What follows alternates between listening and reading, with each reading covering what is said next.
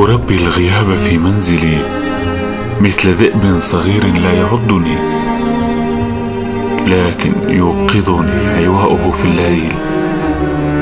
يا أبي أنا وحيد مثل ذئب صغير.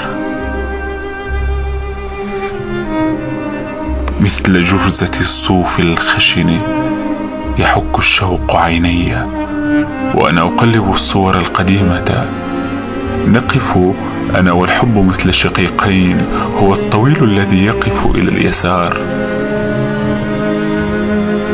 أقتات على ضحكات قديمة دون تذكر أسبابها. ثم أعلق صورتي في البيت وأبكي عليها. كأنني أنتظر احدا. أنظر للساعة كل خمس دقائق مرتين.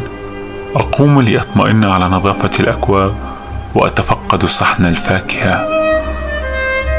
أجرب ابتسامتي أمام المرآة. أرفع رماد السيجارة الذي وقع قبل قليل على السجادة البيضاء. أفتح الباب وأقرع الجرس لأكون اكيدا لأكون اكيدا بأن الكهرباء لم تتعطل اليوم. أجلس باسترخاء لأبدو أمام نفسي الفضولية هادئا. وأقول لنفسي كنت تنتظر احدا ولسبب ما ربما لن يجيء.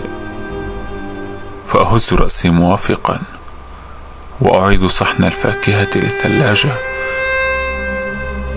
هكذا أطرد الوحشة كل يوم. فأنا لست وحيدا. إنما لسبب ما أجلس وحدي.